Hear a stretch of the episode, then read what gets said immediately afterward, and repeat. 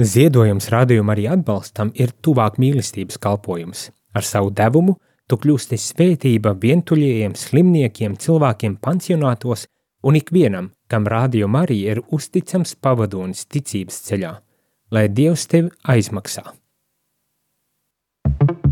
Sāksim nedēļu sarunās un diskusijās kopā ar žurnālistu Aināru Rošu raidījumā Notikumu kaleidoskopā. Ik pirmdienu, pulksten 13. Radio Marija Eterā. Tiksimies ar amatpersonām, interesantiem cilvēkiem, runāsim par aktuālitātēm un ikdienišķām lietām. Gaidīsim arī klausītāju jautājumus Radio Marija studijas viesiem. Ik pirmdienu, pulksten 13. raidījumā Notikumu kaleidoskopā.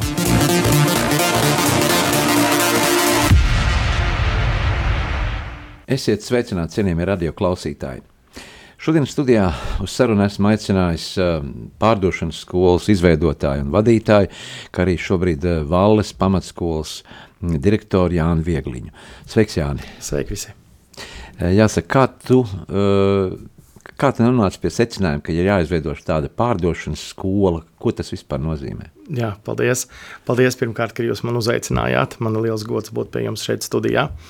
Um, redziet, pārdošanas skola veidojās no maniem novērojumiem, mm, kad es vēroju mūsu latviešu cilvēku komunikācijas prasmes, un es sapratu, ka mēs varētu komunicēt daudz citādāk, daudz labāk un arī rezultatīvāk.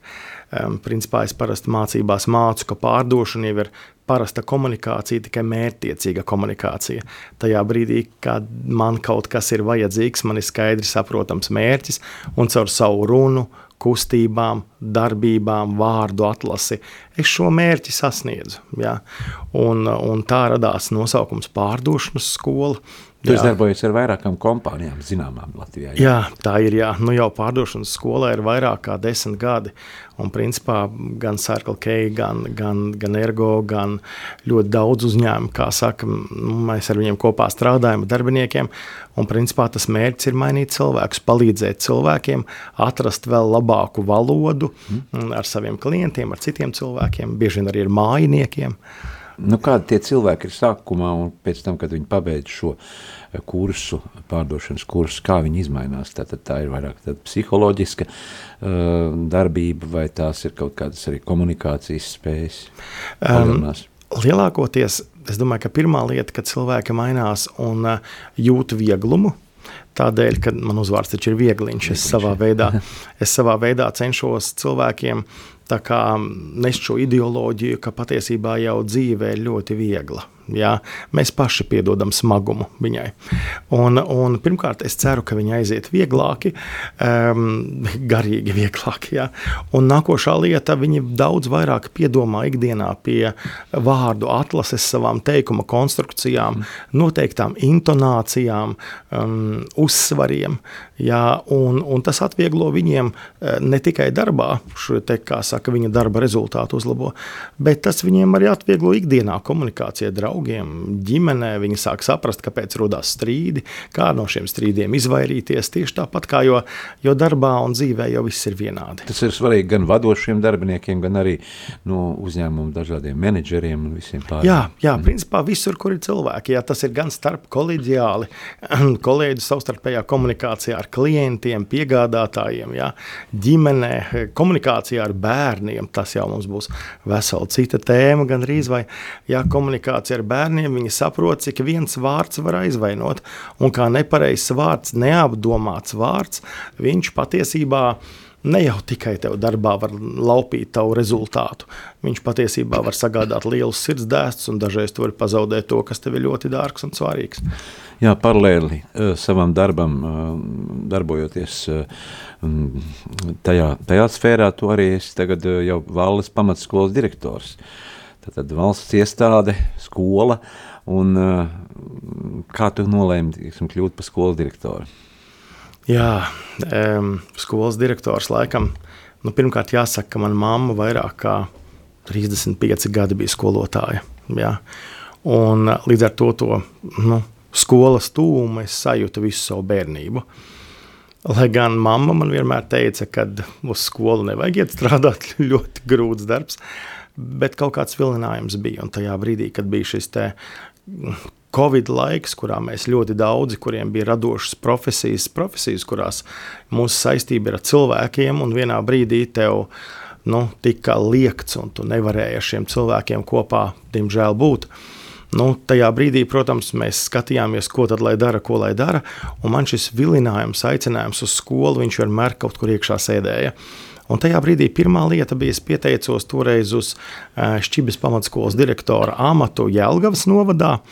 Un jāsaka, es dažreiz saku, joka pēc alfabēta, un šis te it kā, it kā caur joku, it kā pa nopietnām, eh, šis, šis pieteikums, viņš vainagojās ar to, ka es izgāju pirmo atlasi, un pēc tam arī um, novadoma izvēlējās mani par skolas direktoru. Un tā pusotra ar ļoti daudz izaicinājumiem, jā, un jo arī Covid laiks skolās bija ļoti smags, un, un, um, un tā pusotras gads šķibas pamatskolā, Tad es nolēmu no skolas aiziet, jo sapratu, ka viss pietiek. Jā, mm. skola tas ir forši, bet, bet man pietiek. Uh, bija tāls ceļš arī jābraukā, uh, daļa veselības, kaut kādas lietas. Un, un, un, protams, un tad es padzirdēju, kad Vallis pamatskolā direktori aizgājis prom no darba. Un, uh, tā ir mana paša skoliņa, kur strādāja mana mamma, kur mm. mācījos es no pirmās klases. Uh, un kaut kāds lokāls patriotisms laikā mūsos iekšā visos dzīvo. Un dēļ šī lokāla patriotisma es uh, metu savu solījumu pie malas, kad skolās vairs nekad. Un Vallis pamatskolā tagad esmu direktors. Jā. Stājoties uh, direktora amatā, ko tu gribēji mainīt? Uh, atceroties savu skolas laiku, tad, kad strādāja mamma, kad pats mācījies, tieši no, no šīs izglītības sistēmas, no, no ieradumiem, no, no, no dažādām tradīcijām, ko tu gribēji mainīt? Jā, mm, pirmā lieta, man liekas, es ļoti vēlējos. Mm, pirmkārt, tā skola, pirmkārt, ko es vēlējos, tas bija saglabāt skolu. Jā, tas man ir ļoti svarīgi. Es domāju, ka daudziem valsts cilvēkiem. Um, nākošā lieta, protams, bija, bija palielināt bērnu skaitu. Jo skola, laba skolā, labā skolā jābūt bērniem. Cik šobrīd ir jūsu skolā? Pašlaik ir 88. Um, jā, es tā jāapstāsta visā, cik tur vēl ir mm -hmm. precīzi. Bet, Un, un, tas ir kāpums, jā, nesoties kā mums ir gājis, bet, protams, kā um, skola pastāv priekš bērniem. Un tā ir tā vēl viena lieta, un tas ir tas, um, tas, ir tas mans moto, tas dzinums, tas mūsu galvenais karoks, tagad, ko es esmu ieviesis skolā, šo domāšanas prizmu, kā bērns ir pirmajā vietā. Jā. Pirmā lieta, ko arī no savas bērnības atceroties, um, tas, ko es atceros starp skolām, starp attieksmēm, starp vecākiem bērniem, skolu. Man vienmēr ir šķitis, ka skola ir radīta bērniem, jā, un, un nevis bērni skolai. Jā. Un man šķiet, ka šī attieksme, kad visus lēmumus, kurus mēs pieņemam skolā, viņš iet cauri šim pirmajam svarīgākajam filtram, vai bērnam no tā uh, būs labāk, un vai tas tiešām bērnam ir svarīgi, un vai bērns paliks pirmajā vietā pēc šī pieņemtā lēmuma. Un tas, ko es tagad redzu, es tā gribētu domāt par to, gan tas ir jāprasa sabiedrībai, ko viņi par to domā, vietējai sabiedrībai, kas ir valsts cilvēki un vecāki. Paldies, ka savus bērnus laiž pie mums skolā. Mm, es domāju, ka viņi jūt izmaiņas, ka mēs esam palikuši arī skolā vieglāki. Mūsu attiecības gan ar vecākiem, sabiedrība ir vieglākas. Un, un, un es ceru, ka šis vieglums bērnos pēc tam pāries labos mācību sasniegumos. Jā, jo, mhm. jā. Viens no taviem tādiem priekšlikumiem bija tas, ka vajadzētu samazināt šo svaru mugursomās un nenesāt šīs grāmatas bērniem, jo tas arī neveselīgi. Jā, mēs pirmajā klasē Mēs pirmajā klasē ieviesām um, pirmā klase bez somām. Ja? Mhm. Tā tad uh, bērniem uh, nevajag pirmajā klasē, vairs nav nepieciešamas smagās somas līdz grāmatām, jo grāmatas stāv skolā plauktos, ir pagarinātās grupas, un bērni var fantastiski kopā ar skolotāju izmācīties. Un tas, kas vecākiem ir jāsaņem, vecākiem mājās ir jābūt dzīvespriecīgam no skolas, kad bērns pārnāk. Vecāki saņem dzīvespriecīgu bērnu, kurš ir izmācījies un grib būt kopā ar vecākiem. Un, un šis uzlikums, ka tev tagad jāsēž līdz naktī un jāmācās, nu vismaz sākotnēji nav mums pirmajā klasē, un es gribu, domāju, ka arī otrajā un arī trešajā klasē mēs to pārējām. Tas, kas uzspiests, tas rada negācijas, ja, tad, tad uzspiestas lietas, ja, dogmatiskas. Jā, man parasti patīk domāt, kā tas bērns jūtas mājās. Tu mm. iedomājies, tu esi atnācis mājās pie saviem vecākiem, tu viņus ļoti mīli. Un tev ir līdzi uzdevumi no skolas, soma ar smaga soma. Tie norādījumi, sēdi mācies. Jā, un tu saproti, ka tu netiec galā, un tad tev saka, tev vecākiem ir jāpalīdz. Jā. Un, protams, ka vecākiem ir šāds pienākums palīdzēt saviem bērniem, un vecāki arī noguruši no darba, un dažreiz tās negācijas nāk, un bērns jau viņu dzird. Bērns dzird šīs negācijas, kad vecākam ir lūk, spiestā kārtā jāpalīdz tam bērnam. Un tajā brīdī tas bērns saprot, ka viņš jūtas nedaudz vainīgs par to, ka tagad vecākam tētim, mammai varēja būt jauks vakars, bet viņam jāsēž ar viņu kopā, jāmācās. Bērni ar tad jūtās negācijas, sākā rasties pret skolu, skolotājiem, ja, jo, jo viņš jūtās tāds tā kā starposms. Viņš jau nav vainīgs. Skolā viņam uzdeva, viņš netiek galā, viņš lūdz palīdzību vecākiem, bet beigās šis, šī mazā blīvīte ir viņš. Šobrīd daudzās skolās ir viena no problēmām, ir tomēr arī uh, smēķēšana jauniešiem, nu, diemžēl arī narkotikas. Kā ir lauku skolās, kā šīs problēmas var atrisināt? Vai šī uh, skola ir kā viena ģimene, kas atbalsta vecākie skolnieki tur mazākos, nu, nu tā neterorizē? Mm. Nu, jāsaka, ka lauku skolas pilnīgi noteikti ir ļoti pasargāts. Jā, pasargāts pret, diemžēl, saltiņiem. Jā, jo tā mūsu problēma skolās visās ir saltiņi. Jā, diemžēl arī līdz lauku skolām viņi ir atnākuši. Jā. Mēs nevaram aizslēgt robežas, diemžēl viņi ir, viņi ir nejūtami, bērni ir advancēti, jā, un, un viņi ir kāds caur dažādiem čatiem, negatīviem snapchatiem šos bērnus uzrunā, šo saltiņu tirgotāji, un viņi uzrunā viņus patiešo. Ja? Un, un, protams, ka līdz ar to mēs pieaugušie to nespējam izkontrolēt, un šī piegāde saltiņu caur, caur roku, roku rokām, viņas nonāk arī laukos. Ja? Um, viennozīmīgi ir tas, ka lauku skolas um, ir uh, Eh, lauku skolās vardarbību izjūtu ļoti, ļoti mazāk. Jā, ļoti mazāk. Un tas ir mazo skolu burvība, kad man šķiet, ka tāds, ja jūsu bērnam ir nepieciešams eh, vairāk miers, jā, ja viņš ir mākslinieks, radoša dvēsele, kuram šī agresīvā vide, kurā ir saspiesti mazās telpās 700 cilvēki, ja, vai, vai 1000 bērni, kur katrs cīnās par savu personību. Ja. Lauku skolas ir izcils, viņas ir mierpilnas un viņās tiešām ir, nu, es par valles varu teikt, nulle agresijas. Jā, mhm. tiešām par, par savu skolu var atbildēt.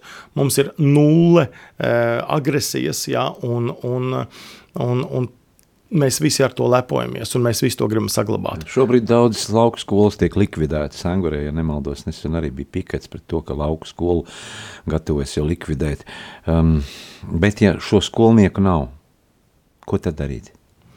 Redzēm, nav jau tā, ka viņu nav, viņu ir maz. Maz. Jā. Viena no lietām, kas man ir neskaidrs, nesaprotu, kāpēc mēs neveicam skolēnu pārdali. Nu, pieņemsim, es skatos tā kā. Mm, ir skolas, jā, divas skolas, jā, kurā vienā ir pārspīlēti milzīgs bērnu skaits, gandrīz vai 30 bērni klasē, un 15 km tālāk ir skoliņa, kurā ir 6 bērni klasē. Ja mēs varētu izlīdzsvarot un radīt mazāku spiedienu lielā skolā, un tieši šos bērnus no lielām skolām vest uz mazajām. Tāpēc, ka tādā veidā mēs izlīdzinām šo emocionālo spiedienu, mazinām šo vardarbību un ļaujam bērniem, kuriem šis mācību apguves procesam ir nepieciešama nedaudz individuālāka pieeja, tas viņiem palīdzētu. Bet mēs darām pilnīgi pretēji. Mēs nogriežam jebkuras iespējas bērniem saņemt individuālu pieeju izglītībā un sagrūžam viņus visus vienā buļģiņā iekšā, agresīvā buļģiņā, nekontrolējumā bieži vien. Jā. Kā ar speciālistiem, ar jauniem skolotājiem? Vai tie ir tomēr skolotāji, kas jau daudzus gadus jau strādā un, un, un veic savus pienākumus? Jā, skolotāji ir Nu, skolotāja tas ir dzīvesveids. Jā, viennozīmīgi, kā daudz Tā ir misija. Tad. Jā, tā ir tāda misija. Tu zini, ka tu nekad nekļūsi bagāts. jā, un tā, bet uh, pilnīgi noteikti tu zini, ka tu katru godu būsi laimīgs. Jā? Tāpēc, ka nākot jauniem bērniem, vispār bērni padara dzīvi daudz, daudz. Uh, jautrāku un, man liekas, tādu laimīgāku. Un skolotāja darbs ir ļoti jēgpilns. Tu redzi, tu redzi iznākumu savam, savam, savam darbam. Tas ir ļoti izcili. Um, jāsaka, ka. Nu, nu atkal es teikšu, laikam tā, ka man vienmēr licies, ka direktoram ir jābūt daļēji arī magnētam. Uh, direktors var būt magnēts gan bērniem, lai viņi nāktu tieši uz tavu skolu, un laikam arī skolotājiem. Jo jebkurš skolotājs vēlās strādāt skolā, kurā ir arī direktors, kurš ciena viņu atbalsta un ir pret viņu ļoti cilvēcīgs. Tas ir tas, kas dažreiz, diemžēl, man liekas, pašu skolotāju starpā, vadības starpā šīs attiecības dažreiz pietrūkst. Tādā sapratne, cilvēcība un atbalsts. Um, mana pieredze pedagoģijā ir niecīga. Maniem pedagogiem viņi ir pārdesmit gadi. Vai es viņus varu ļoti mācīt pedagoģiju, ja viņi ir mācījušies katru dienu šo papildinājuši savas zināšanas? Es domāju, ka nē. Vienīgais, ko es varu darīt, es varu veicināt, lai vide un mana attieksme ir tāda, lai skolotāji var pašrealizēties un lai viņi šīs zināšanas, kuras iegūst, atdod bērniem. Jā? Kā veidojās attiecības starp skolotāju? un skolēniem. Vai ir šī barjera? Ja agrāk, nu, ienākot klasē, tur skolotājs, visi bērni piecēlās kājās un tur tā diezgan tādā, vai, vai šis cieņas princips vēl ir saglabājies? Jā, te gan ir par to piecelšanos kājās. Man nesen ar bērniem bija tāda tikšanās, un, un es ienāku iekšā klasē, un viņi pieceļās kājās. Mm -hmm. Es viņiem saku, kāpēc jūs piecēlāties? Mm -hmm. Viņš saka, nu kā, ja ienāk skolotājs vai direktors vai kāds ir jāceļās kājās. Es saku, labi, bet ko jūs ar to man gribat pateikt? Ar ko jūs gribat pateikt ar to, ka jūs piecēlāties? Ar to, ka mēs jūs cienām. Es saku, ziniet, mīļie, es biju domājis, ka cieņa tā ir jūsu rīcība un uzvedība mācību stundā. Kā jūs manī klausieties, kā jūs uztverat šo mācāmo vielu, kā jūs piedalieties stundā vai dēļ tā, ka jūs piecelieties, es varētu domāt, ka jūs mani cienat. Es domāju, ka nē. Es domāju, ka cieņa ir mūsu ikdienas saskarsme, nevis tāds momentāna rīcība vienā mirklī, kad tu esi piecēlies. Kompozitāte tāda. Jā, man liekas, ka, un vēl viena lieta, tieši tas, kas tagad ir mainījies, man liekas, tai skolai un paudzei, šī paudze ļoti vēlās, lai viņus ciena. Tā ir interesanta lieta, ka viņi atverās pie cieņpilnas attieksmes, ja tu viņu cieni. Viņiem tas ir ļoti svarīgi. Es vispār esmu par horizontālām attiecībām, skolēnam un skolotājam, jo pie horizontālām attiecībām, man liekas, tā ieklausīšanās un sapratne ir daudz augstāka nekā pie vertikāles. Es esmu kaut kas lielāks un vairāk, tu esi atnācis lūk, un, un nezini neko, tāpēc sēdi, klausies, es tev personību necienu, mm -hmm. tu vēl neesi personība. Jā. Man šķiet, ka nē, ka bērni tā tas laiks tagad radies. Viņi visi ir personības, pilnīgi visi. Viņi vēlās, lai katram ir sava telpa, viņi katrs tā tādu privāto telpu, viņiem ir savas intereses, viņiem ir sava, sava izpratne par dzīvi, un viņi vēlās, lai tu kā pieaugušais viņos ieklausies. Un, man liekas, tā ieklausīšanās bērnos ir ļoti būtiska tagad skolās.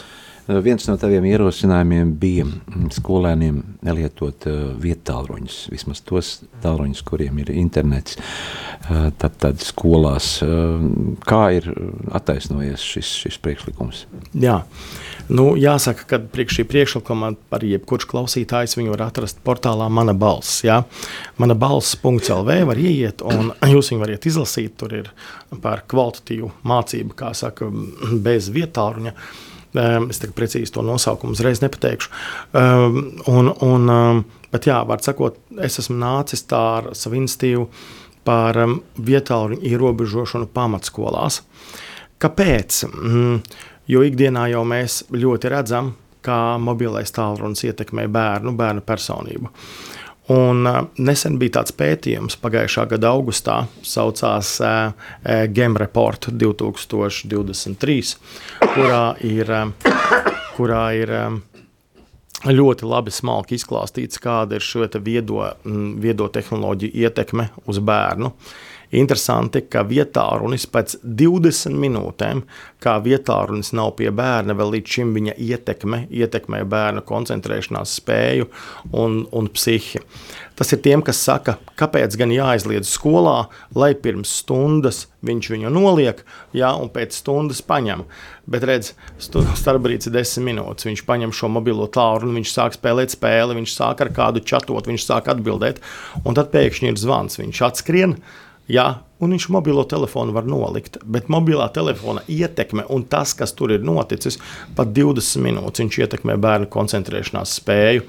Tāpat arī mēs redzam ļoti daudz vardarbība, kas ir skolās, bērnos iekšā. Viņi tādi nav, viņi ir labi. Bērni ir ļoti tīraģi, viņi visi piedzima vienādi, pilnīgi saulītas. Ja? Un tad pēkšņi kaut kas viņus mainīja. Viens tas ir vecāki, kā mācītājs Andrēs Mediņš saka, ja viss sākās mājās. Un arī šo iekārtu iedeva vecāki mājās. Daudzi šo iekārtu iedod, lai apklusinātu pašu savu bērnu. Tā taču ir vienkāršāk, ja aizbāzt bērnu ar mobilo telefonu, ņem spēlē spēles, rekrutēs multiplikācijas filmas, mēs vecāki dzīvosim savu dzīvi, tu savu. Ja? Un, un tas notiek pēc tam arī šis bērns. Protams, ka viņš mājās liekas kluss, vecākiem ir mierīgi, bet arī skolā viņš paliek kluss. Viņš ar šo viedierīci jau arī vairs skolā negrib komunicēt ar citiem. Un, un viņš paliek noslēgts, nelabprāt atbild uz jautājumiem, dažreiz paliek agresīvs. Jā. Tāpat arī, kā es iepriekš minēju, šie snapchati un daudzi čati jūsu bērnu uzrunā patiesībā tajā mirklī, kad, kad jūs nekontrolējat. Ir sveši cilvēki, kas uzrunā jūsu bērnu uz dažādām kaitīgām, nelabvēlīgām lietām, veido dažādas ierosinājumus, pieprasa foto, nedod Dievs viņu. Mm -hmm. Jā, Tāpat arī ir ļoti daudz pašnāvnieciski čati, kuros viņi tiek iekšā caur arī tiktokiem, un, un viņi būvē, kā saka, šo savu pasauli caur nepareizu svešu cilvēku iesētu uztveri. Iedomājieties, ja vecāki, kad jūsu bērnu patiesībā neaudzinat jūs.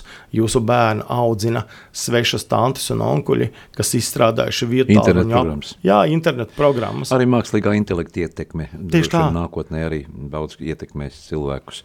Eh, bet kā jūs organizējat eh, ārpus klases darbu? Vai tas ir vairāk sports vai, vai, vai, vai mākslas eh, nozares, mūzika?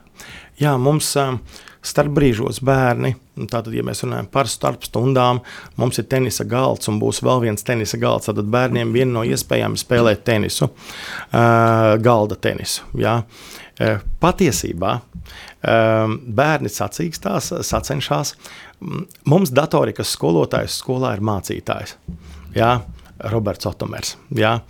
Un, um, Mums skolā ir veicies, mums mācītājs ir datorikas skolotājs, un viņš starp brīžos ar bērniem kopā spēlē tenisu. Mhm. Tas ir ļoti jauki.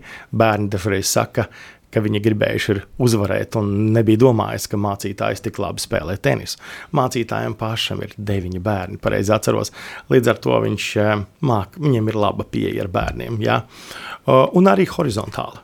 Vienādi. Jā, bet tagad muzikāla pauzīte. Atgādinu, ka mēs studijā sarunājamies ar eh, Jāni Viegliņu, eh, pārdošanas skolas izveidotāju vadītāju un Valles pamatskolas direktoru. Tad, lai skan muzika.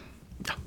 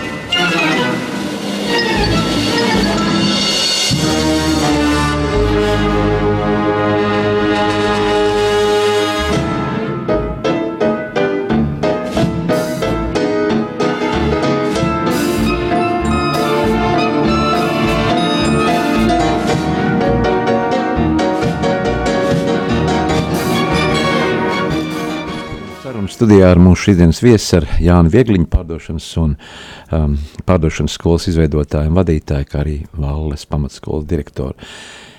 Jāni, kā jūs lauku skolās piesaistat šos mācību spēkus, ar ko tie ir ieinteresēti, kāds ir atalgojums viņiem? Jā, tas ir, domāju, ļoti daudziem interesēs. Jo atnākot no universitātes jaunais speciālists, tomēr grib, lai viņam būtu stabilitāte. Jā, es domāju, ka Katrs cilvēks strādājot savā profesijā, grib būt pārliecināts, ka par savu labu darbu viņš saņems arī pietiekošu atalgojumu, jā, lai varētu ne tikai pāriest, bet arī dzīvi baudīt. Nu, labas ziņas skolotājiem ir no, no šī gada uh, eh, 1. janvāra algas ir palielinājušās, un tagad viņas ir uh, 1370, uh, var kļūdīties pēdējā četri ciparā, jā, tātad par vielu slodzi. Jā. Ja vēl pagājušā pusgadā no 1. septembra bija 1224, ja pareizi atceros, jā, tad principā jā, tas algu pielikums, viņš, paldies Dievam, ir. Cik šobrīd skolā ir skolotāji aptuveni? Um, Šeit ir interesants cipars. Man skolā kopā ir, ja pareizi tā, 18, 18 skolotāji. Un daudz uzreiz var kļūdaini domāt, kā tā 88 Ast, bērni jā, jā. un 18 skolotāji. Tas tiešām ir pa daudz, bet es varu visus nomierināt. Viens skolotājs iespējams strādā uz 0,1 likmi. Tātad viņš pasniedz, kā mūsu mācītājs Roberts Otomers, viņš pasniedz tikai 8 stundas Viņš skaitās statu sarakstā, viņš pasniedz tikai datorika 8 stundas. Ir skolotāji, kas brauc uz, uz dabas zinībām, ir skolotājs, kas brauc uz, uz, uz, uz geogrāfiju, ja ir cilvēks, skolotājs, kas brauc. Līdz ar to sanāk, ka tā cilvēku daudzums ir paliels, bet patiesībā jau tās likmes, kas tajā skolā ir priekšmācību priekšmetu, šīs apgūšanas programmas, Viņas ir tik, cik ir. Jā. Vienkārši viņas nesadalās. Nav tā, ka ir desmit likmes, tāpēc, vai, vai astoņas, tāpēc ir astoņi skolotāji. Jā. Tā nav. Um, skolotāji braukā vēl pa citām skolām, lai salasītu savu slodzi. Bet, principā, jā, ir kas strādā uz trīs stundām, ir kas strādā uz astoņām, ir kas strādā uz 27. Jā, tā, tā kā, tas ir dažādi. Jā. Vai Bet, tavi paši bērni arī iet savā skolā, kur esi direktors? O, šis ir labs jautājums. Jā, principā. Mm, nu, kā parasti saka, mm, lai parādītu cilvēkiem, ka tavs produkts ir kvalitatīvs, tev viņu pašam arī ir jālieto. Ja? Un, un, principā, arī manā gadījumā man vidējā meita Katrīna, viņa mācās Valles pamatskolā. Jā, viņa no ķekavas. Jā, vidusskolas aizgāja pie mums uz valsts pamatskolas, 8. klase. E, kāpēc? Nu, arī daļēji dēļ šīs te, mm, vardarbības un agresijas skolā. Tomēr jā. ir šis mobbings. Ja? Jā, viņš ir. Uh, redziet, Es tomēr teikšu, lauku skolās iespējams tie bērni, jā, viņi tāpat viens otru dažreiz pakacina, mm -hmm. bet šādas aizskaršanas par, par, par to, ka citādāk izskaties, par ģērbšanās stilu. Vairāk tas ir arī sociālos tīklos. Caur jā, caur sociālajiem tīkliem pēc tam tas tiek dažādi pavairots. Jā. Tāpat arī, pieņemsim, lauku skolās nav tik svarīgi šie lietu esamība materiālā pasaulē. Ja tev nav obligāti jābūt iPhone, iVačam, mm, iPadam, jā. Jā. tev nav jābūt visam no Nike. Ja, tā lauku skolās cilvēki tev vairāk izvērtē bērni dēļ tā, kāds tu esi bērns. Viņi skatās, vai tu esi jautrs, mm. nevis vai tu esi Nike. Kādas ja. ir tavas prasmes, ne tikai no brendiem? Ja? Jā, kāds tas ir cilvēks. Un man tas tā patīk, kad lauku skolas viņas dod to patiesumu. Un lauku skolas viņas arī, arī ļoti piedalās tajā mm, vides attīstībā, tāpēc ka patiesībā tie bērni jau turpat atrodas un iet ārā pēc skolas, komunicē atkal ar citiem cilvēkiem. Ja? Un, um, tāpēc viņi, tas tā cilvēcības vienkāršība, viņi ir šajos laukos. Mēs jau, man liekas, latvieši vispār esam lauku tauta. Nu, es tā varētu teikt, mums ir lauki svarīgi. Mums nav tāda centrāla urbanizācija. Mums ir viena Rīga, mums ir Daugopils, Jelgava, Liepāja, lielas pilsētas, kas pasaules mērogā ir ļoti, ļoti mazas, bet lielākoties mēs esam izkaisīti vienmēr bijuši pa laukiem. Kas lauku skolās nodrošina ēdināšanu?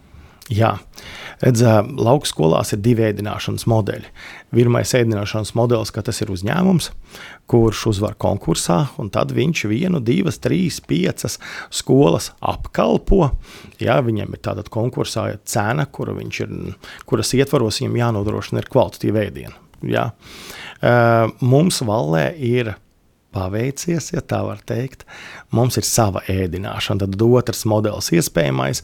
Mums valsts skolā ir savas pavārītes. Pašas saviem spēkiem. Pašas saviem spēkiem, pašas mizo kartupeļus, pašas visu tur dara un cepja. Un mums līdz ar to ir iespēja bērniem nodrošināt nu, tos ēdienus, ko viņi vairāk un tik daudz, cik viņi vairāk viņus pašus vēlās un ēd. Mēs varam pielāgoties, ja? nedaudz pielāgoties savā ēdienkartē visu mūsu pašu bērnu nu, prasībām. Ja? Tas ir ļoti jauki. Mēs varam citreiz pagatavot kādu salātiņu, klāt vairāk. Mm, Vallis pamatskolas Facebook lapā jūs varat apstīties video par mūsu pusdienām. Mums ir pieci salāti jā, bērniem. Un es neteikšu, kāpēc pieci. Jā, un, un, un, un, um, tāpēc, ka pavārīts to smāk tā jauki pagatavot. Un, Un uh, jūs redzēsiet, kā izskatās pusdienas, kā mums ir deserti un zupas. Un, un redzat, ar zupām ir tieši tāpat. Bērniem nevar būt tās zupas, kuras tas sadomājies. Ir jāēd tās, jādod tās zupas, ko viņi ēd. Un bērni tagad daudz zupas nēd. Jā, tur ir konkrētas zupas, uz ko mēs zinām, kad vienmēr būs. Tu minēji, ka jums ir arī tāda tradīcija um, gada sākumā un, un, un, un Ziemassvētkos doties uz baznīcu. Jums ir pašiem savu baznīca? Valē. Jā, mums ir. Um, arī pateicoties labiem cilvēkiem, jā, eh, pateicoties um, um, Zeltītei Vallē un, un, um, un Diānai uh, Ruģelei un uh, Zeltītei Raubiška. Un, un, uh, pateicoties cilvēkiem, mums baznīca ir attīstās un viņu atjauno caur dažādiem projektiem. Un, uh, un viņa paliek aizvien skaistāka, un cilvēki sāk uz viņu vairāk nākt.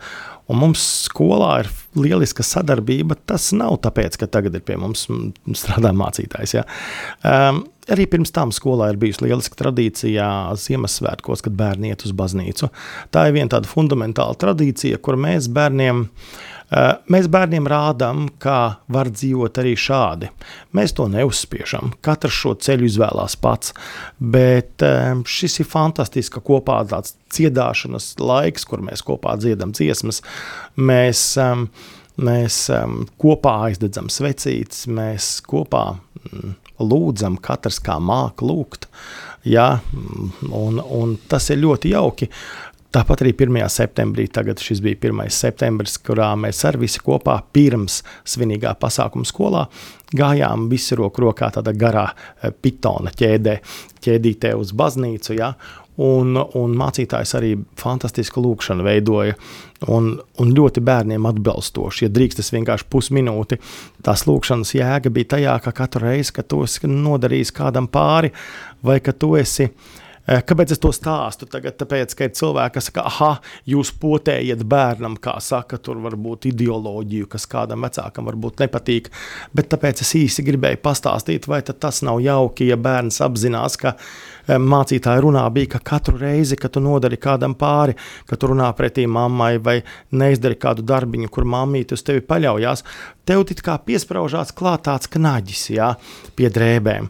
It kā tev ir viens knaģis, tas nekas, tas nav liels svars, bet jo tu dari aizvien vairāk šādus nedarbus, tev knaģu skaits palielinās, un tev beigās paliek tik daudz knaģi, ka viņi tev spiež, un tu saproti, ka šie knaģi, viņi tev sāk um, nelabi justies ikdienā, pārvietoties, dzīvot, un uh, tāpēc, lai šo knaģu nebūtu, ir vienkārši jāprot palūgt atdošanu.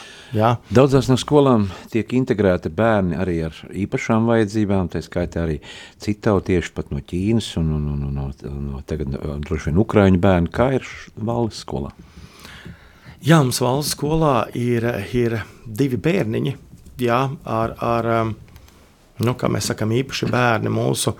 Uh, es saprotu, ka valsts skolai tā būs mūsu nākotne un mūsu ceļš. Tad, kad Mm, tu jautāji par to, kā skolām mazajām sevi saglabāt. Mēs runājam daļai arī par specializēšanos. Mums ir ļoti izcila sporta infrastruktūra, bet viena no lietām uzņemties skolām vairāk atbildību par šīm iekļaujošo izglītību. Un es domāju, ka tas ir mūsu valsts pamatskolas ceļš, palīdzēt eh, bērniem, ģimenēm un palīdzēt arī mūsu novadam, Bauskas novadam, un pulcināt šos bērnus, um, kuriem ir vajadzīga mūsu palīdzība. Tas ir mūsu attīstības stratēģijā, valdes pamatskolas, ka mums ir internāts, kurš ir slēgts bijis jau gadiem, bet mēs tagad viņu vēlamies, ja drīkst teikt, atdzīvināt jā, šo internātu un pulcināt bērnus no visa Bauskas novada, jebkurus bērnus. Jā, um, gan tiem, kuriem ir liels ģimenes un vajadzētu šīs piecas dienas pabūt skolā, jā, kaut kādu iemeslu pēc, kāpēc mājās viņi tā nevar labi justies dažreiz, uh, gan arī bērnus, kā saka, kuri ir, ir, um, ir ar kādu, ar kādu mm, tādu kur ir īpaši bērni, ja, un kuriem arī vajadzīgs ir palīdzēt. Mums tādas reformas valdes pamatskolā. Savulaik es mācījos arī muzikas akadēmijā, tev ir muzikas sirdslieta, pastāst par to laiku un par hobiju. Jā, redzēju. Es, es iepriekš, kad mēs te runājām, teicu, ka mācītājs Andrēs Mediņš teica, ka mūzika tā esot eņģeļu valoda. Un man pašam bērnībā šī eņģeļu valoda ļoti palīdzēja saglabāt savu ceļu. Tajā brīdī, kad es biju ļoti, ļoti nabadzīgs. Māma bija tikai skolotāja, tēta man nebija, viņš pameta mamma no bērnama. Un es tiešām saskatīju dzīvē ne tās rožainākās krāsas.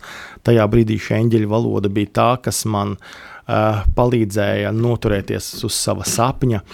Un mans sapnis bija kādreiz kļūt par operas dziedātāju. Jā, uh, lauka skola, sapnis, operas dziedātājs. Iestājos arī mūzikas akadēmijā un, un divus gadus nomācījos akadēmisko dziedāšanu.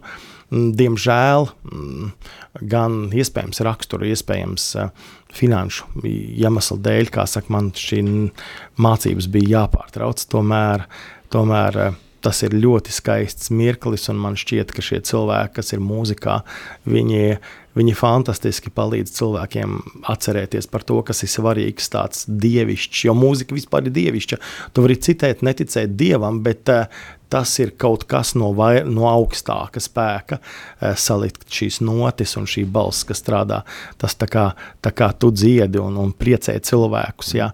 Man liekas, bez tādiem cilvēkiem kā tu un bez cilvēkiem, kas ir mūzikā un kas izplata caur savu caur savu esību, personību, šīs skaņas. Tas ir ļoti svarīgi un ļoti vērtīgi. Es redzēju, ka teici, ka tev arī Raimonda Paula muzika patīk un muz, muzikāli skaņdarbi, kur ir melodija.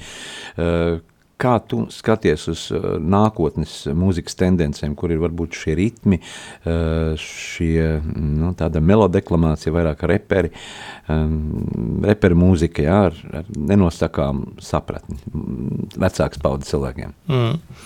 Um, Zin kā, dažreiz ir ļoti interesanti, ka... Um, Vai to var saukt par mūziku? 30 gadus atpakaļ man likās tajā brīdī, kad es dzirdēju Latvijas Rādio 2, un tur bija vairāk šlāgeru un tāda tautas mūzika. Mhm. -huh. Man liekas, ka, ak, Dievs, tas taču ir pensionāriem. Tas ir kaut kam vecam. Mhm. -huh. Es taču tāds neesmu, es esmu stilīgs. Nu, ir pagājuši 30 gadi, un es mašīnā klausos to pašu mūziku, ko klausījušies mana mamma, ko klausījās iespējams kāda vecmāma. Un tad es saprotu, ka, zini, īstenībā tie meldiņi, ja, ka tā meldiņa mūzika – kurā ir šīs dažādas skaņas un emocijas un, un šis dziedājums.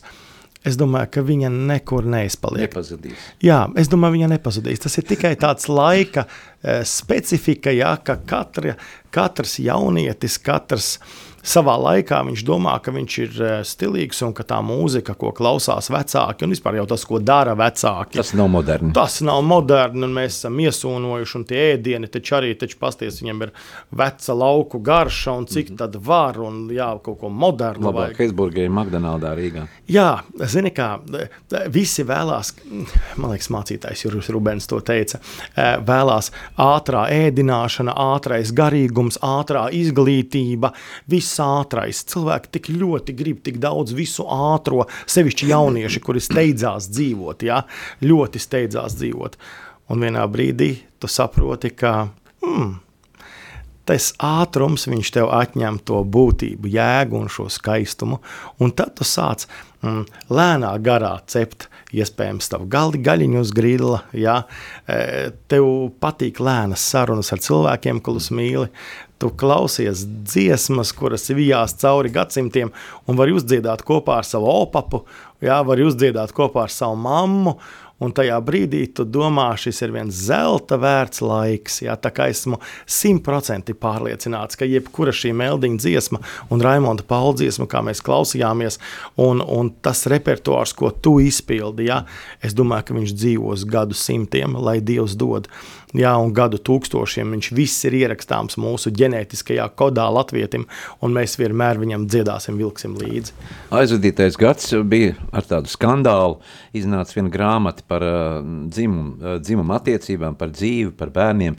Uh, kā tas uh, tika nu, no pedagoģa skatu punkta, kā tu to uztvēri? Vai tas bija tā arī šokējoši, vai, vai tomēr tie bērni ir jāmāca no jau no mazotnes, kā saprast, kas mm -hmm. viņi ir? Puisis, meitene, Atcerieties, kādreiz mums bija zīlīte. Es biju maziņš, bija zīlīte. Tie bija 80 gadu beigas. Jā, jā. jā, jā, jā. Tas bija arī toreiz šoks. Jā, tā zīlīte bija šokējoša. Um, es domāju, ka skaidrs ir tas, ka mums uh, pienāk bērnos tas viens vecums, ka mums viņam ir jāpalīdz tikt galā un uh, ar savu dzimumu. Jā, meitenei meiteņu dzimums, puisim puiša dzimums. Jā. Puisim ir daudz jautājumu par sevi, meitenei jautājumu par sevi. Uh, palīdz vecāki, palīdz arī skola.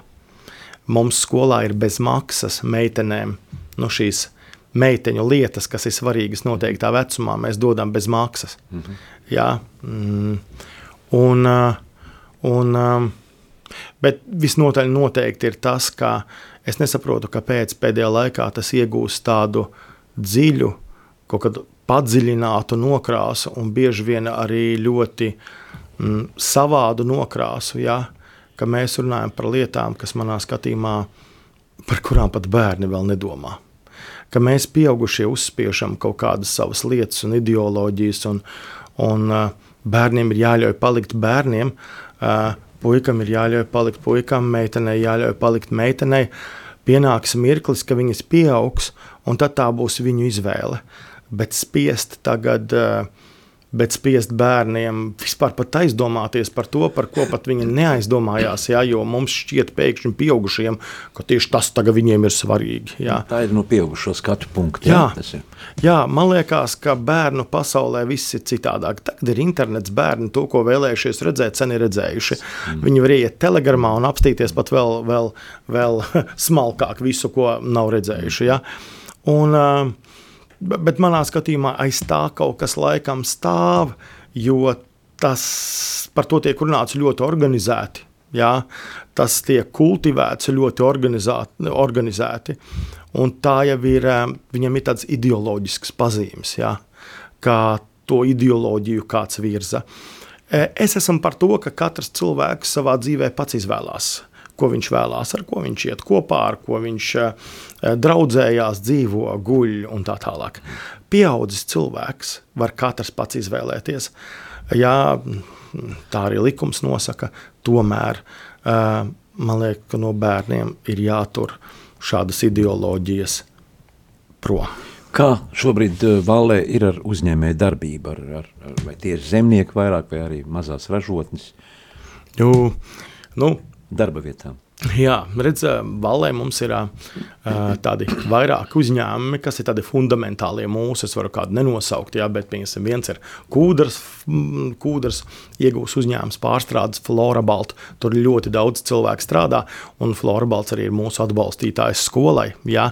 Tā ir fantastiska sadarbība starp uzņēmumu, jā, un, un Florabalts ne tikai ziedo naudiņu, arī, arī premēšanai skolēnu teicamnieku, jā, bet arī egli nodrošina mums arī bērniem uz jauno gadu. Jā, ir ir Sijāka rīču uzņēmums, jā, ka arī, kas laiku pa laikam palīdz mums. Uh, un, un, uh, Es tagad mēģināju, kas tad, kas tad vēl tāds liels uzņēmums, pārsvarā pārējie tirzniecības uzņēmumi. Bet, nu jā, redzi, tajā vietā ir tie vietēji uzņēmēji, kuri pirms, nu, pie kuriem strādā mūsu bērnu vecāki. Un, protams, ka līdz ar to viņi, viņi arī ir sociāli atbildīgi par šo vidi un ir forši, ka ir šāda sadarbība. Un tās tādas galvenās darba vietas. Jā un kur pēc Valles pamatskolas uh, absolvēšanas, kur skolēni tālāk dodas?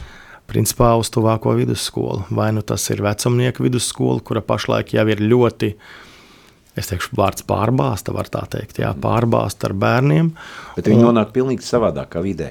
Šeit jā. viņi ir auguši tādā ģimeniskā atmosfērā, nu, pieraduši tomēr, ka ar viņiem tā kā līdzīgs līdzīgu aprunājās tajā vidē, varbūt viņi nonāk tiešā šajā mobbinga tā sistēmā. Ir.